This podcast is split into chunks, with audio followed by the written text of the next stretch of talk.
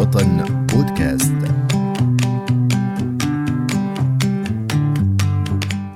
يعمد أصحاب الاتجاه الذي يسير نحو الأدب من أجل تدريس الفضائل المدنية إلى توظيف الأدب في خدمة التربية المدنية إذ أنه يقدم أحيانا في الرواية خاصة نماذج أبطال تجسد في ممارساتها الحياتية القيم المدنية التي يسعى المجتمع المتلقي إلى غرسها في أفراده وتكمن فعالية الأدب بما يملكه من عوامل جذب تجعل المتلقي مهيئا للتأثر بهؤلاء الأبطال بل ربما تدفعه إلى تقليدهم كما يقول أحد الباحثين. بودكاست وطن إعداد وتقديم فاتح حبابة.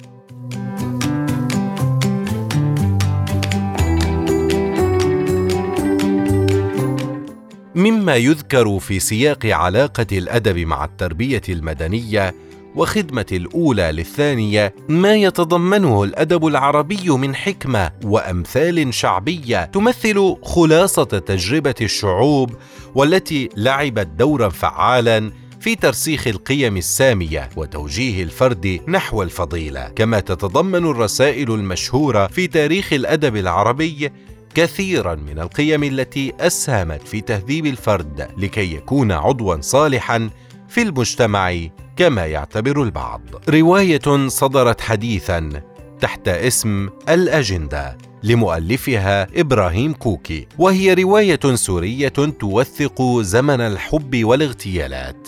فهل من الممكن أن نشهد رواية توثق مدنية الدولة في قادم الأيام؟ حول هذا الموضوع يسعدني أن أرحب بالروائي الأستاذ إبراهيم كوكي. أهلا ومرحبا بكم معنا في هذه الحلقة أستاذ إبراهيم. يا أهلا بك أستاذ فاتح وبالساده المستمعين. حياكم الله. اولا نبارك لكم إبصار روايتكم الجديدة الأجندة. للنور وهي التي توثق زمن الحب والاغتيالات. لو نبدأ معكم بالحديث عنها، لماذا ألفتها؟ وما هي رسالتك أستاذ إبراهيم منها؟ الله يبارك فيك أستاذ فاتح. آه فعليا آه الرواية آه هي جزء من من من المجتمع. الرواية جزء من تكوين المجتمع الثقافي من تكوين المجتمع الفكري. آه لا سيما الرواية التي التي تؤرخ لمرحلة زمنية معينة في في في عمر المجتمع. كما هي رواية الأجندة وكما هي الكثير من الروايات والأدب عموما فلذلك تحاول الروايات ان أن تنقل جزء من الواقع. لا تنقله كتب التاريخ ولا تنقله كتب السياسة ولا تنقله كتب الفكر. تنقل الحالة الاجتماعية تنقل الحالة النفسية تنقل الحالة المعنوية تنقل المشاعر تنقل الأحاسيس وتغوص في قلب المجتمع. لذلك حاولت في هذه الرواية أن أؤرخ لسوريا أو للمنطقة فعليا ليس فقط سوريا عموما سوريا والعراق ولبنان ما بين عام 2010 إلى عام 2000 هذه نعم. المرحلة التي سبقت الربيع العربي. حاولت أن أؤرخ لهذه المرحلة من خلال شخصيات من خلال أحداث من خلال ابطال من خلال أناس يعني آه كانوا يعني آه آه يمضون بالحياة. آه هم الذين روا لنا الأحداث هم الذين عاشوا هذه هذه الأحداث بحلاوتها ومرارتها ب يعني بكل ما فيها.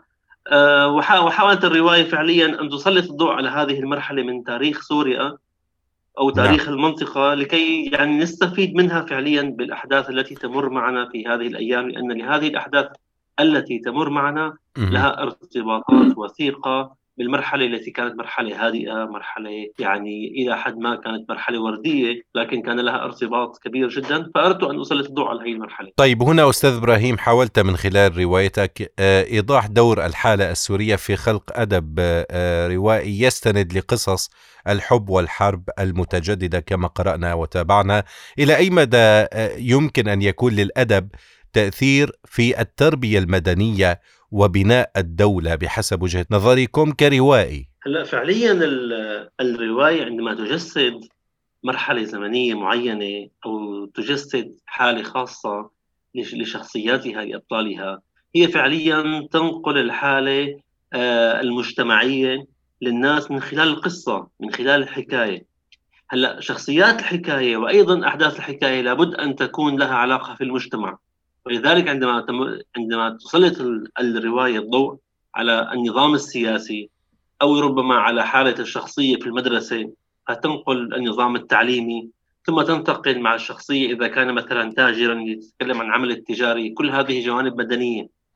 هلأ هي التفاصيل تنقل الحالة المدنية لشخصيات الرواية أو للمرحلة التاريخية تنقلها عبر الحكاية عبر القصة عبر الحدوتة عبر الأدب للمتلقي وهذا يجعل فينا نقول حالة الرأي العام التي يصنعه الأدب كما كانت المعلقات تصنع حالة الرأي العام وكما كانت الإلياذة والأديسة وهذه وغيرها تصنع حالة الرأي العام. هذا الأدب ينقل الحالة المجتمعية للناس وينقل الحالة ال ال الإنسانية للمجتمع. يعني فعليا يغوص في في شخصيات الرواية في شخصيات أبطال الرواية لكي ينقل هذه الحالة الإنسانية. نعم. كيف يفكر الشخصيات كيف تتصرف الشخصيات كيف تتحدث الشخصيات.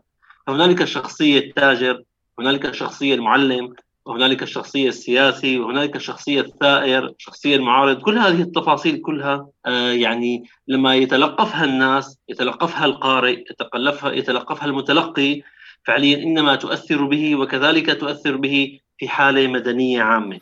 أستاذ إبراهيم أريد أن أسألك هل تجد أن هناك حاجة ماسة ليكون الأدب السوري مكثفا في الأيام المقبلة ليكون رديفا للجهود التي من المفترض أنها تبذل لبناء سوريا المأمولة؟ آه، طبعا لا لا انفصال بين الحالة الثورية والحالة السياسية والحالة العسكرية ربما تكون وبين الحالة الثقافية والأدبية. لأن الثقافة والأدب إنما هي ابنة المجتمع وإنما هي من أولاد المجتمع وإنما هي نتاج المجتمع. لذلك هنالك الحالة الثقافية المتعلقة بالغربة الفلسطينية وهنالك الحالة الثقافية المتعلقة بالنضال الفلسطيني ونحن الآن بحالة بحاجة هذه الحالة الحالة الثقافية المرتبطة بشكل آه، بشكل مباشر بالحالة السورية. فنحن بحاجة إلى الأدب نعم. الذي يتكلم عن الثورة والأدب الذي يتكلم عن المخيمات والأدب الذي يتكلم عن الشتات والأدب الذي يتكلم عن الغربة وغير ذلك.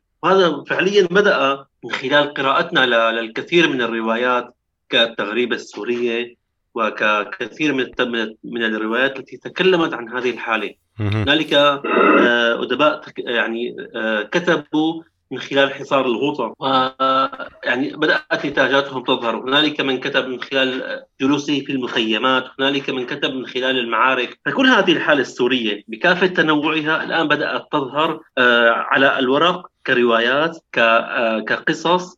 وهذا برأيي ما صدر حتى الآن إنما هو جزء. فكل فكل كاتب وكل روائي إنما ينقل من زاوية. فنحن نعم. بحاجة إلى هذه آه، الرؤى المتناثرة وبحاجة إلى رؤى شاملة إلى من يكتب الملاحم كلها ملحمة الثورة من بدايتها إلى إلى إلى إلى زماننا هذا. بحاجة إلى من يكتب بهذه الرؤية الشمولية وبحاجة إلى من يكتب بهذه التفاصيل. وكل ما صدر إنتاج جديد إنما هو إنتاج مكمل إنما هو إنتاج إضافي إنما هو إنتاج يثري هذه الحالة الثقافية الأدبية الفكرية. المتعلقة بالثورة السورية. ولذلك كل ما كثر الإنتاج كل ما كل ما دل على حالة وعي وكل ما دل على حالة إيجابية جيدة بأن المجتمع بدأ يعني آه، ينتقل من حالة القوقعة في المأساة إلى حالة نقل المأساة أو توصيفها أو حتى الاستفادة منها للأيام القادمة وللأحداث القادمة. طيب أريد أن أسألك سؤال. هل من الممكن أن نجد آه، رواية ربما تتحدث عن آه، يعني عناصر التربية المدنية في آه، سوريا في قادم الأيام لمؤلفها الذي ربما يكون وهذا ما نأمله طبعا لمؤلفها إبراهيم كوكي؟ هلا فعليا عندما نسمع مثلا آه، لطبيب مثلا في مشفى ميداني بدأ ينقل اليوميات في رواية فنحن أمام جزء من هذا المجتمع المدني بدأ ينتقل إلينا عندما نسمع لرواية خرجت آه، في مجال العمل الإغاثي أو موظفة أو أو فاعلة في مجال العمل الإغاثي بدأت تكتب يومياتها وصدرت لها رواية كما الروايه التي بدأت تظهر مؤخرا هذا جزء من التربية المدنية والمجتمع المدني الذي بدأ ينقل يومياته وواقعه إلى المجتمع من خلال القصة والرواية. وربما يعني إذا يعني أكرمني الله سبحانه وتعالى في قادم الأيام قد أكتب عن هذا المجال لأنه فعليا علاقتنا في المجتمع المدني وعلاقتنا في التربية المدنية من خلال كل كل أصناف وكل أنواع وكل أشكال التربية المدنية المتعلقة بالمجتمع وآلية عمل المجتمع وتفاعل أعضاء المجتمع مع مع بعضه بكل أنواع النشاط المدني هذا كله هو مرتبط فعليا بقصصنا وبيومياتنا وبشخصياتنا وبأحاديثنا نعم. ووجب ووجب علينا ككتاب أن ننقلها للناس وأن نكون جزءا وأن نكون جزءا فعليا من نقل الأحداث من المجتمع المدني إلى الناس ومن الناس إلى أفراد المجتمع المدني. طيب تحدثنا هنا عن الرواية قبل قليل، ماذا عن غيرها من الآداب والفنون؟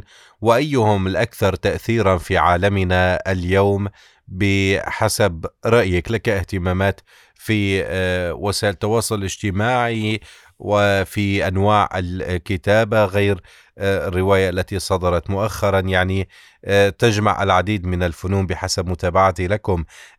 أيها الأهم برأيك وأيها يخدم مسار بناء الدولة أم أن الكل متساوين في ذات درجة الأهمية؟ شوف أستاذ الكريم عندما يبدأ النتاج الأدبي يظهر بكل أنواعه فهذا يدل على حالة صحية بداية. ونحن نحتاج إلى كل أنواع الثقافة وكل أنواع الأدب لتنقل لنا حالة من حالة ربما الإحباط أو الشعور بالهزيمة إلى حالة البناء إلى حالة التربية إلى حالة التوعية.